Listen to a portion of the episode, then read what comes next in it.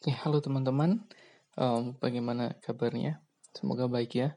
Nah, uh, materi kali ini saya akan menjelaskan tentang delusi masyarakat digital. Uh, dari judulnya saja sudah kelihatan bahwa saya akan menjelaskan tentang hal-hal yang barangkali tidak tidak kita pikirkan sebelumnya gitu.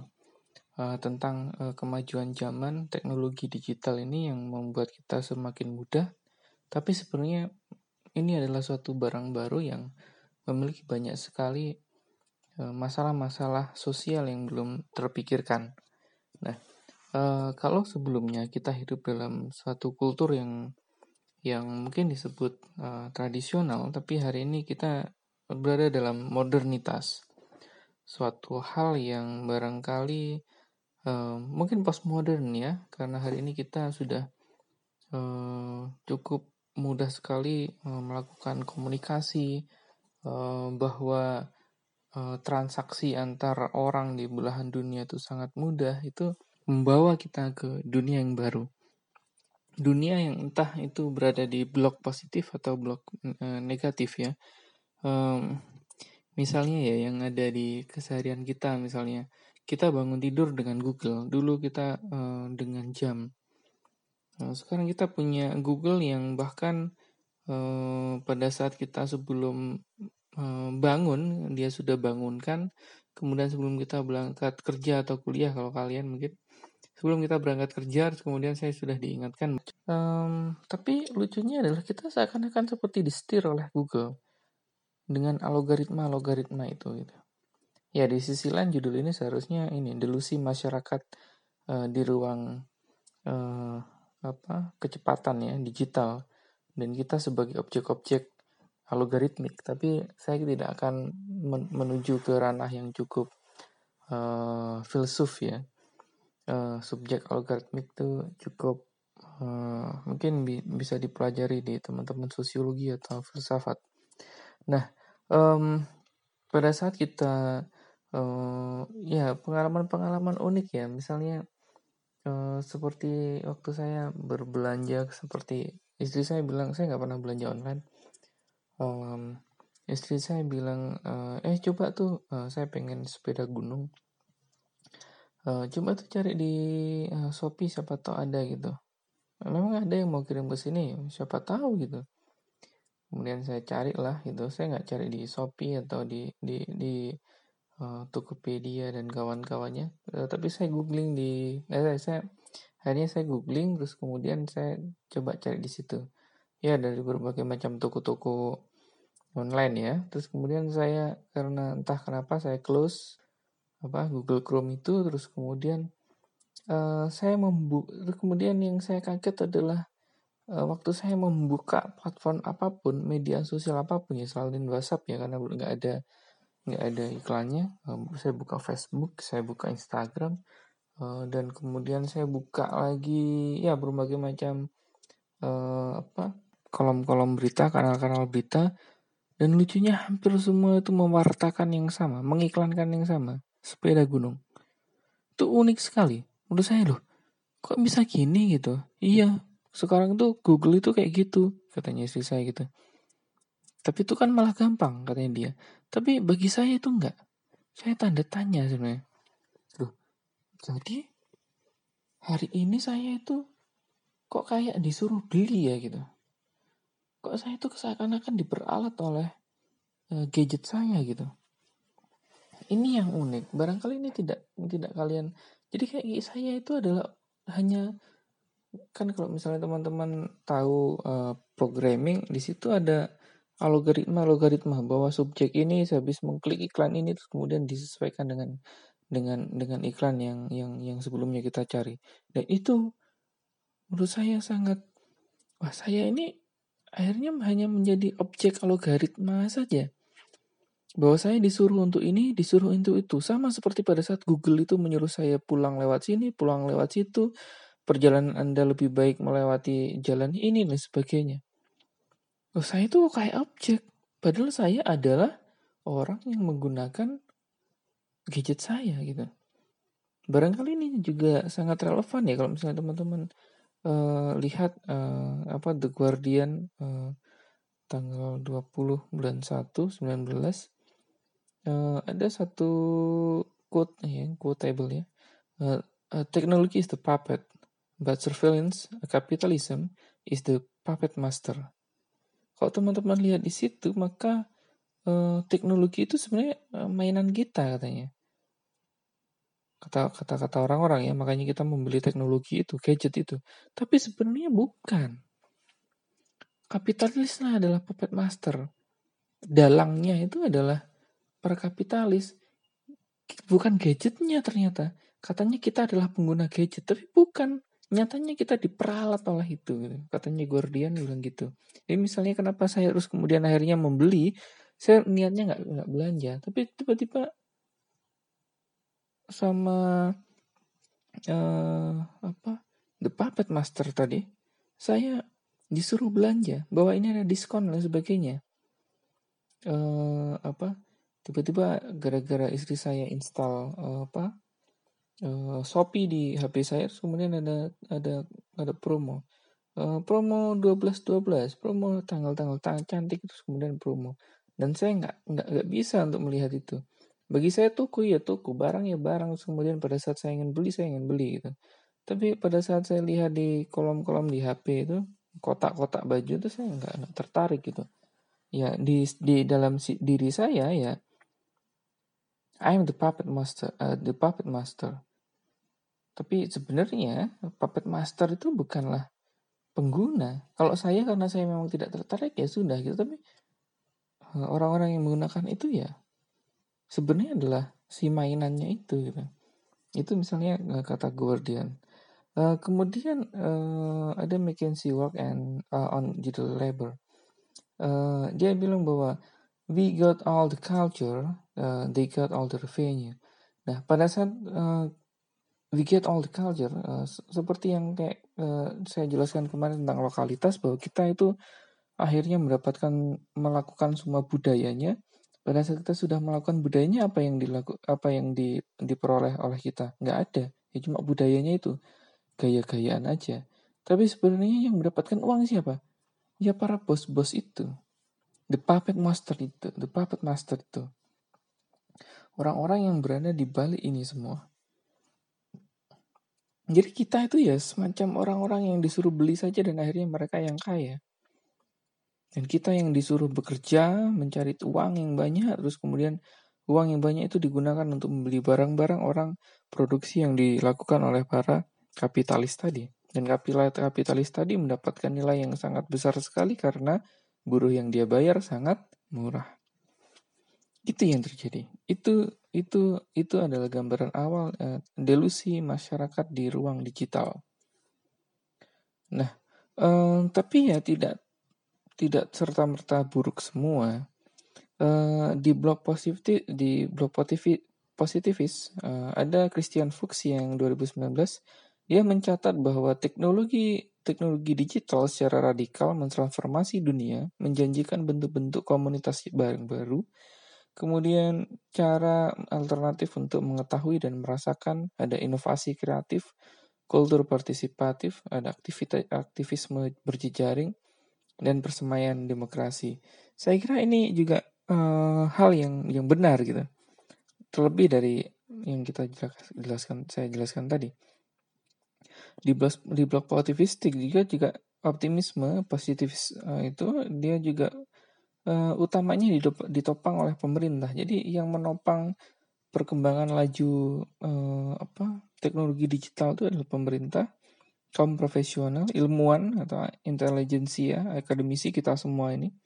Ada leisure class, orang-orang yang kaya ya, kaum konsumeris dan warga yang terkategorikan diuntungkan oleh kehadiran teknologi itu. Nah, itu di blog positivis. Saya kira hampir uh, merubah uh, beberapa optimis, optimisme ya yang lainnya. Uh, pada saat uh, sekarang AI itu sudah bisa uh, apa menjalankan mobil sendiri, ada uh, autonomous car misalnya. Uh, di situ dia akhirnya seperti apa ya seakan-akan Tuhan uh, keluar dari mes mesin, ada kecerdasan buatan di situ. Kita sudah nggak usah lagi ngapa-ngapain, sudah dikerjakan oleh robot misalnya optimisme itu muncul di ruang-ruang itu ruang-ruang publik kita Yang kedua, kampus-kampus semarak menggelar seminar yang yang beragam seperti tema-tema disrupsi, digital marketing, digital entrepreneurship, sociopreneurship, big data, kemudian uh, mendirikan program-program studi seperti smart study, uh, meskipun menyadari jutaan orang beralih profesi. Jadi orang-orang di kampus itu hampir semua sekarang uh, facing uh, digital uh, 4.0 atau 5.0 misalnya, uh, disruption era, open uh, macam-macam itu. Jadi pada saat ini semua orang gandrung terhadap digital sebelum COVID ini ya. Hari ini semua COVID. Tapi kalau teman-teman lihat belakangan ini semua digital, digital era, menghadapi digital era dan semuanya itu terjadi. Walaupun di sisi yang lain orang-orang di kampus itu kan orangnya cukup netral dan objektif ya. Walaupun menyadari banyak orang beralih profesi gara-gara adanya digital-digital tadi. Dan akhirnya apa? E, geliat jangka panjang pemerintah di semua negara itu juga sama. Bagaimana memanfaatkan uh, digital-digital tadi. Uh, misalnya pendataan, kita harus pakai aplikasi. Pada saat pemilu, semua harus berjejaring menggunakan aplikasi. Pada saat ada sensus, kita harus pakai online. Dan semua seperti itu. Rencana jangka panjang pemerintah meng digitalkan semua kegiatan. Itu dan akhirnya pemerintah mendukung semua kegiatan berbau uh, digital startup misalnya. Ya saya juga mendukung sih sebenarnya. Tapi di blok pesimisme apa pesimistik di blok pesimisme ini di, diisi oleh kaum buruh yang kerjanya terancam tergusur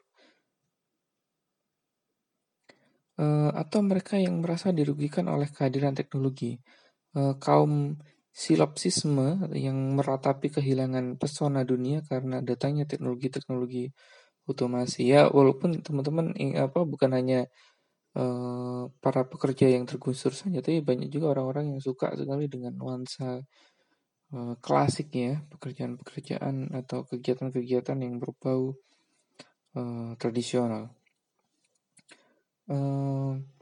apa Christian Fuchs ini uh, dia juga menjelaskan teknologi-teknologi digital sama sekali tidak membawa perubahan positif, melainkan justru uh, apa perubahan apa uh, memperparah kedalaman dan perluasan dominasi melalui bentuk-bentuk kontrol yang baru. Seperti jejaring otoritarianisme, dehumanisasi digital, uh, alienasi uh, 2.0, jejaring eksploitasi, bangkitnya surveillance uh, society. Nah, kalau kita mau mendalami lagi misalnya kasus disrupsi digital, um, uh, kasus misalnya uh, anjloknya saham Bluebird, ya Cipaganti semuanya sudah hilang ya. Misalnya Bluebird, Bluebird itu adalah perusahaan kalau orang mau beli saham, uh, pilihannya dua, uh, saham BUMN uh, atau multinasional seperti Astra ya, atau satu adalah Bluebird. Bluebird tuh saham sahamnya pasti uh, lempeng, pasti uh, stagnan uh, naiknya, tidak pernah turun karena hampir semua orang itu menggunakan Bluebird. Uh, apa taksi ya? Mungkin teman-teman ada yang saya nggak nggak mau ini ya, maksudnya mungkin beberapa teman sekarang sudah tidak menemui taksi lagi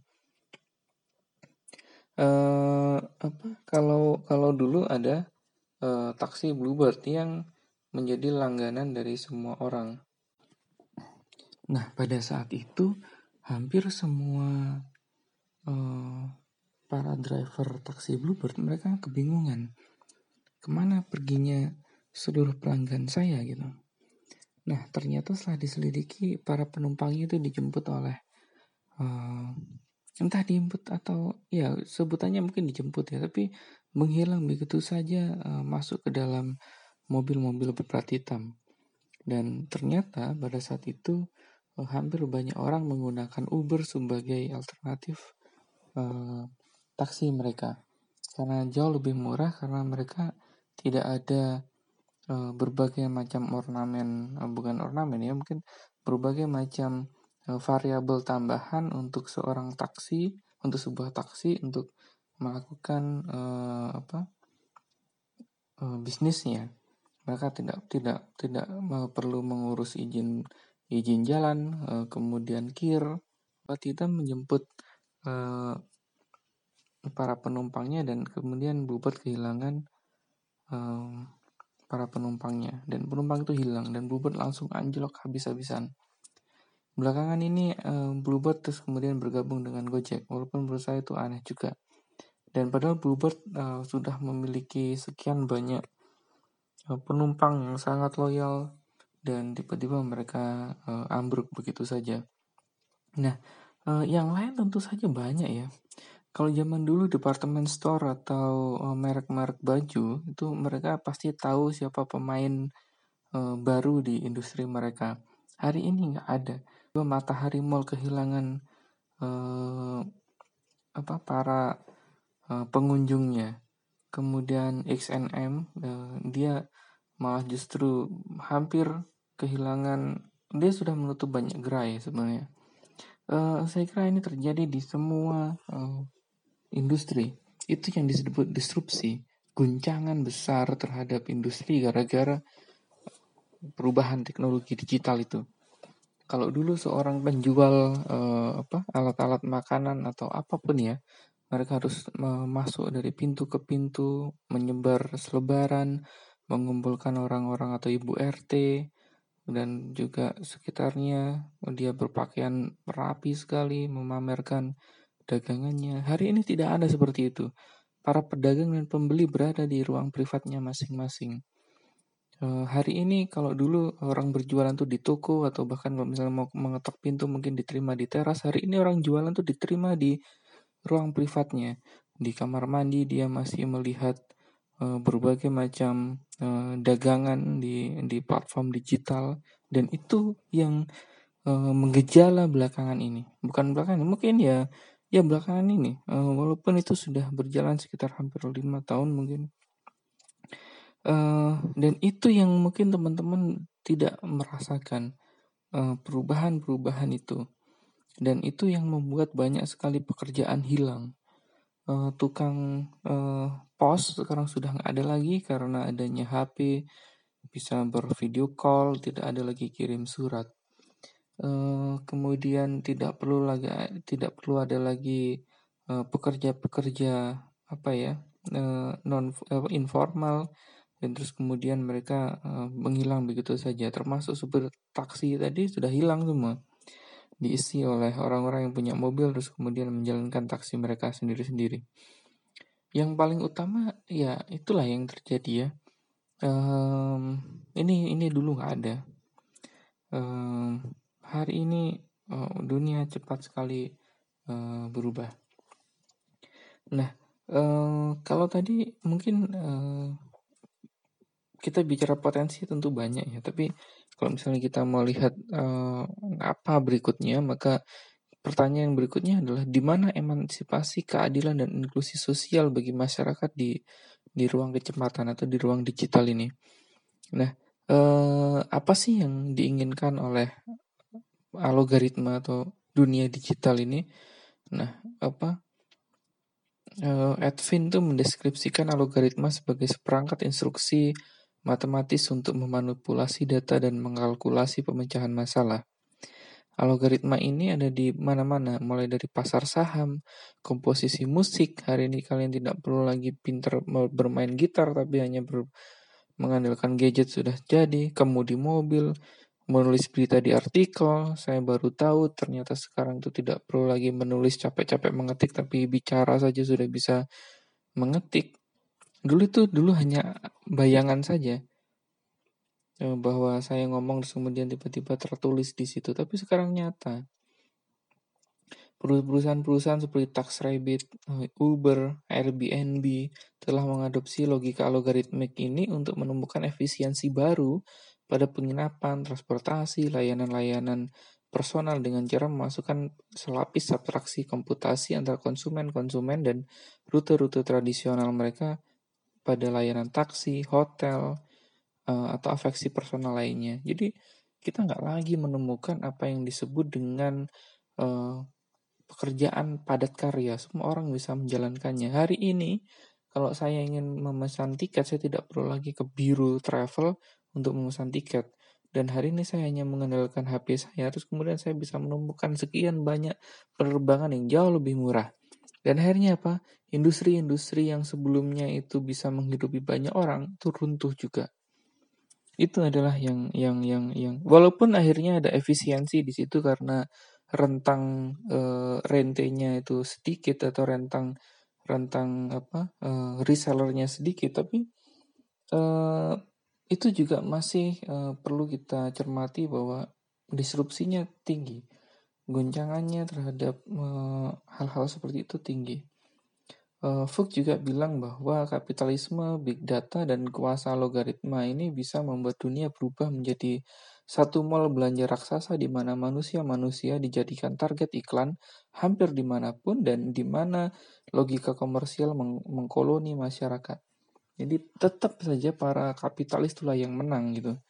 Walaupun kapitalis itu pemain baru juga dalam dunia big data, uh, algoritma yang menggunakan logic instrumental untuk mengkalkulasi keputusan-keputusan dan kebutuhan-kebutuhan manusia dapat mengotomasi dan memprediksi aktivitas sehari-hari.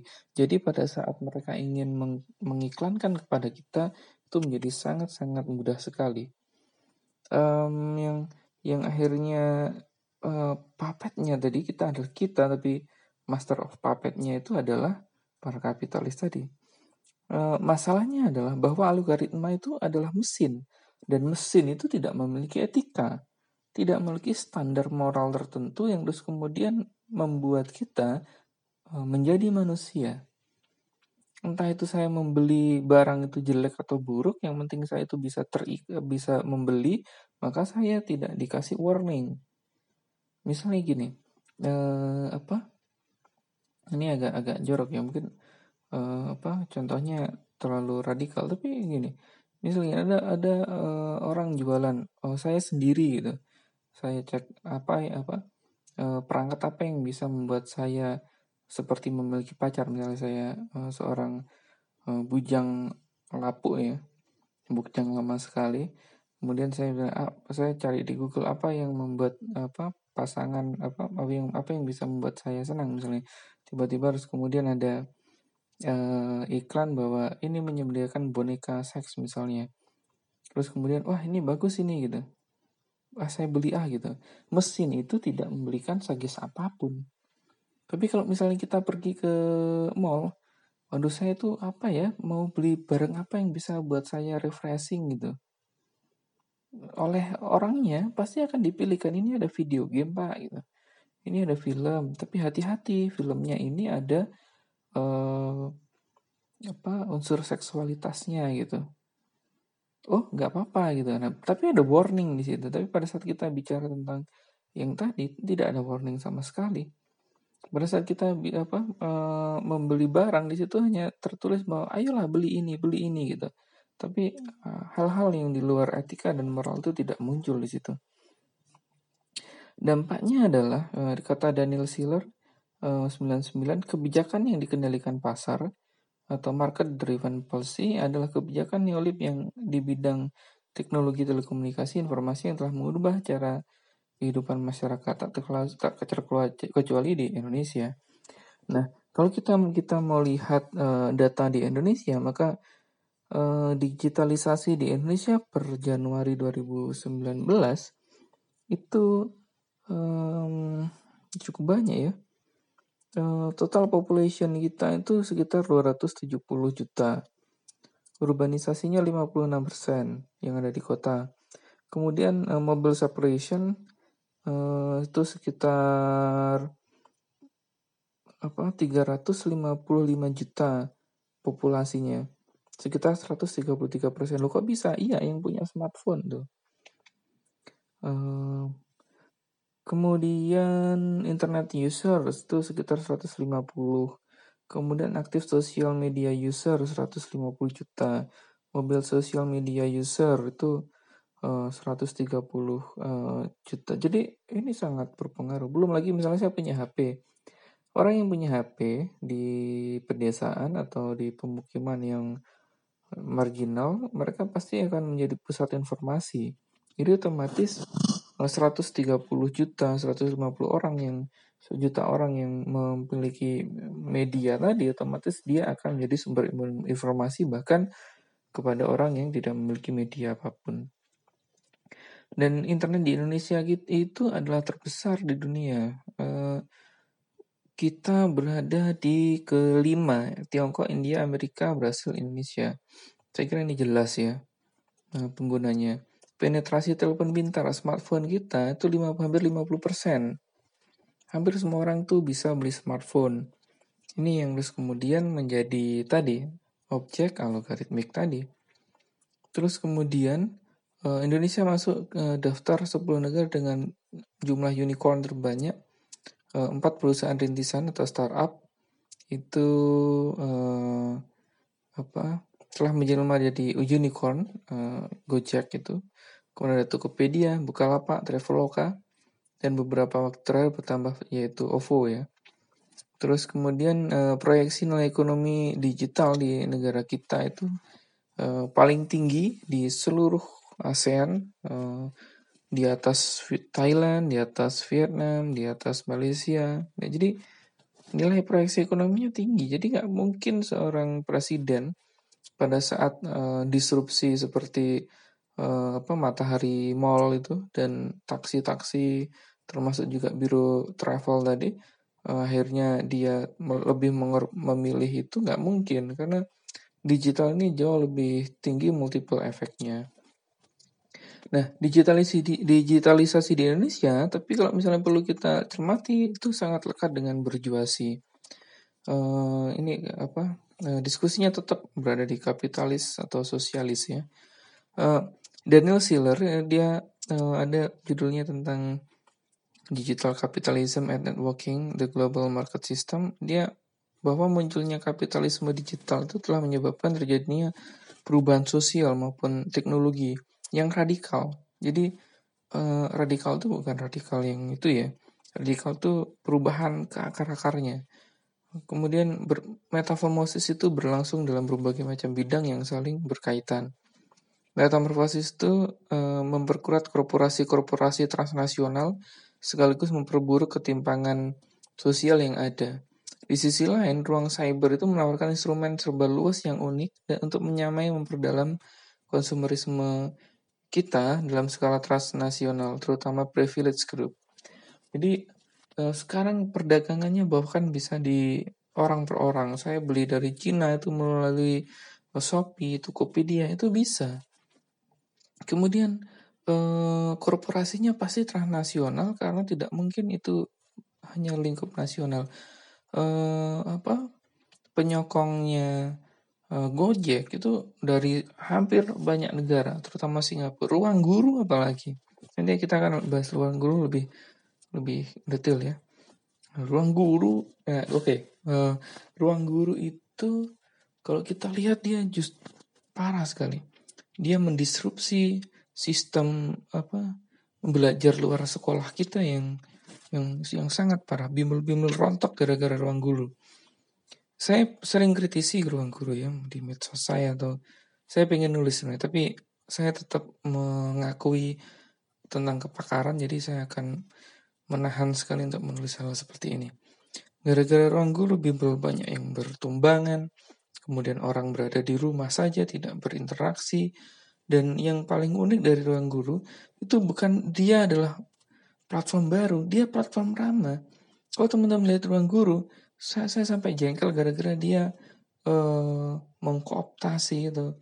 Dia apa ya merebut ruang uh, apa televisi saya. Upin Upin bahkan Upin Ipin tidak muncul di situ diganti ruang guru dan anak saya menangis tuh terjadi uh, pada saat kemudian ruang guru muncul di TV saya yakin dia bukan punya kedua anak ini uh, si Belva dan satunya itu saya yakin sekali karena apa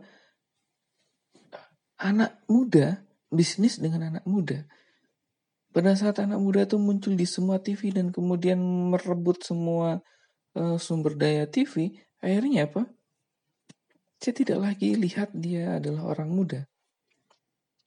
Dan pada saat pada saat uh, saya mirip, uh, saya melihat ini seperti kebiar BCA dulu ada ada dulu sekali tahun awal 2000 mungkin kalian baru lahir dan banyak sekali uh, apa sistem periklanan seperti itu. Ruang guru sebagai katanya platform platform digital terbaru, maka dia seharusnya tidak seperti itu.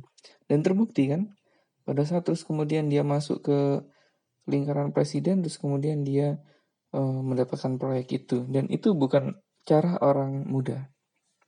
Kalau teman-teman lihat Silicon Valley, kenapa dia menjadi sangat besar, bahkan uh, apa uh, melebihi, uh, melampaui Amerika, Silicon Valley di situ ada Google, ada uh, Apple dan sebagainya. Pada saat kemudian di sana itu tumbuh sangat besar, dia tidak tidak sama sekali tergantung uh, negara. Microsoft Bill Gates, ya mungkin dia uh, cukup mempengaruhi negara, tapi di sisi yang lain negara yang butuh Bill Gates, bukan uh, Bill Gates kemudian datang kemudian mendapatkan proyek negara enggak. Tapi kedua orang ini yang seperti itu. Ya termasuk Shopee juga. Eh, saya pasti tahu ini adalah pemain besar Eh, korporasi besar keduanya ini korporasi besar yang terus kemudian uh, merebut uh, tata cara itu Traveloka saya kira yang paling bagus di Indonesia ya.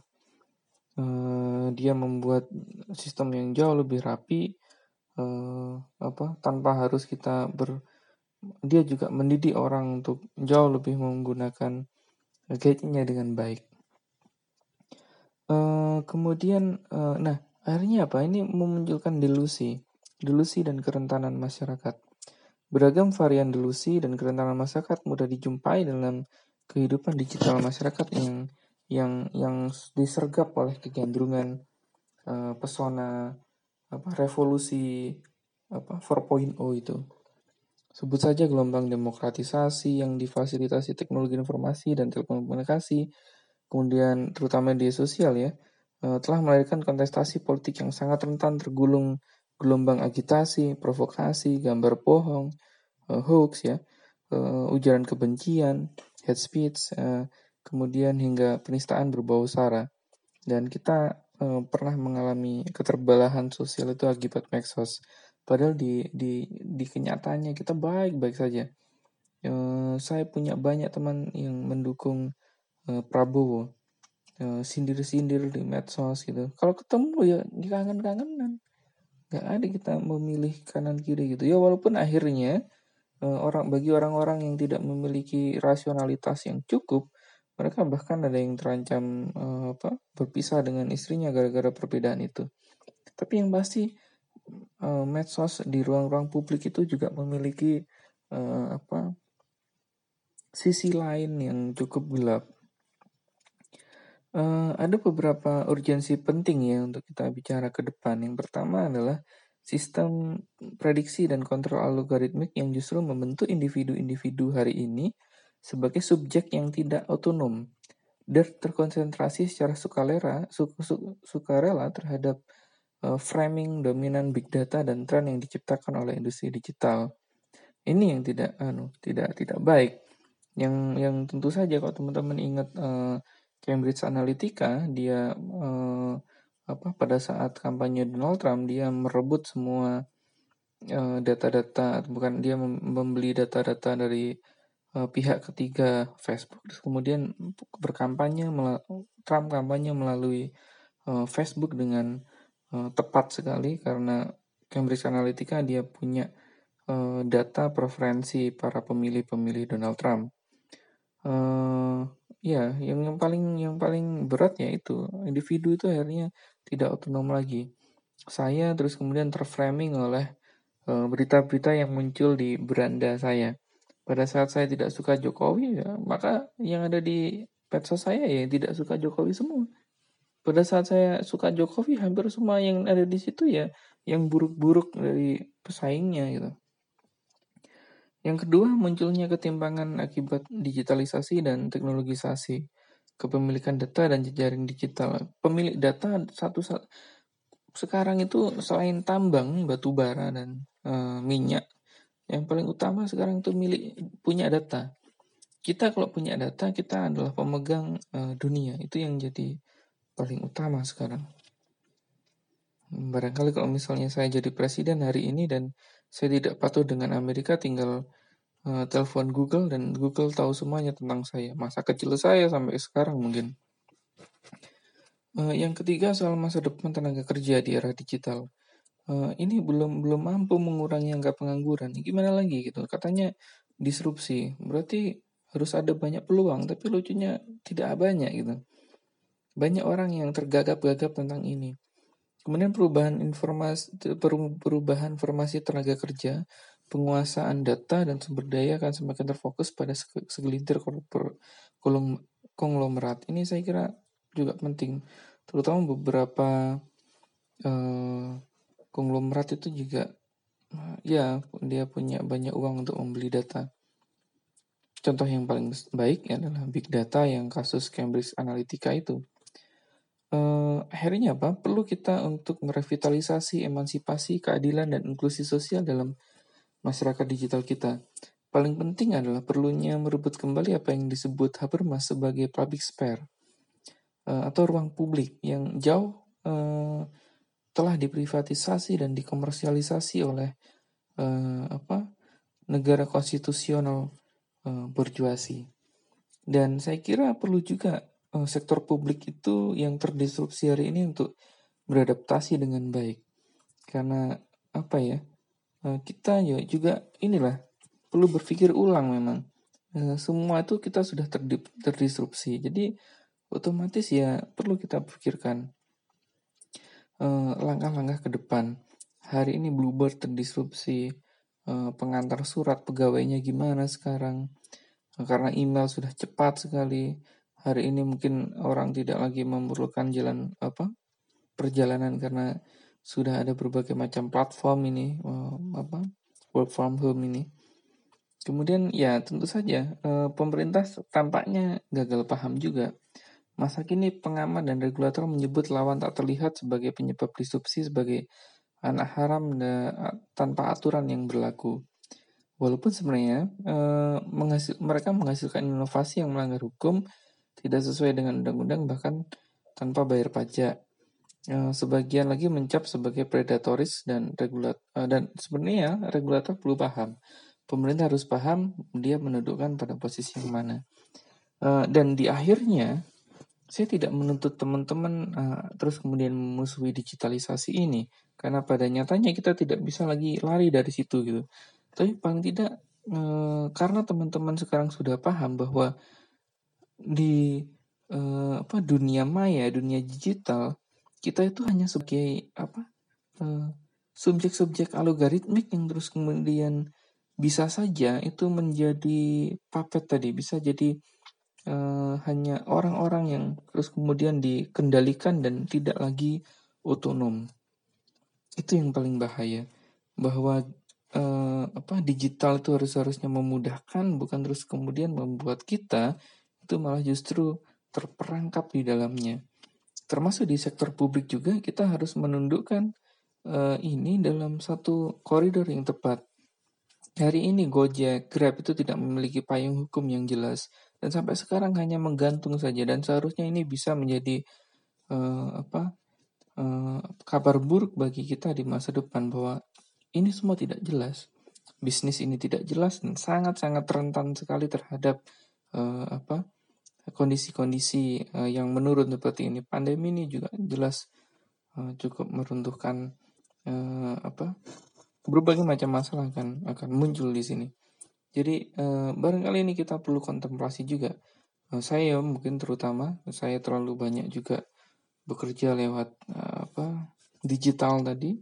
Hampir semua sistemnya bekerja bersama, memakai apa, uh, apa aplikasi kayak Zoom misalnya kemudian mengerjakan bersama beberapa uh, kelompok atau tim untuk menulis paper dan itu terus kemudian jangan-jangan data saya hampir semua itu ada di di di dunia maya. Ada baik dan buruknya dan perlu kita pertimbangkan. Uh, jangan terus kemudian berpikir ini selalu baik, ini selalu baik dan kemudian seperti negara kita. Ah, ada banyak tuh apa uh, apa sistem cybercrime yang yang kemudian juga menggejala keamanan eh, apa sistemnya juga cukup rentan saya kira. Ini perlu kita pikirkan eh, bersama-sama. Tapi terutama yang paling utama karena teman-teman masih muda dan mungkin belum terjun ke bisnis, yang paling utama adalah bagaimana kalian bisa um, memiliki barrier lah paling nggak. Barrier uh, terhadap berbagai macam kerentanan tadi yang kemudian ditimbulkan oleh uh, misalnya paling gampang ya media sosial atau uh, apa marketplace tadi apa ya apa toko-toko digital tadi. Saya kira demikian saja yang bisa saya jelaskan. Um, ya tentu saja ya uh, gadget kalian boleh memakai dengan harus bertanggung jawab. Mungkin itu saja. Uh, wassalamualaikum warahmatullahi wabarakatuh.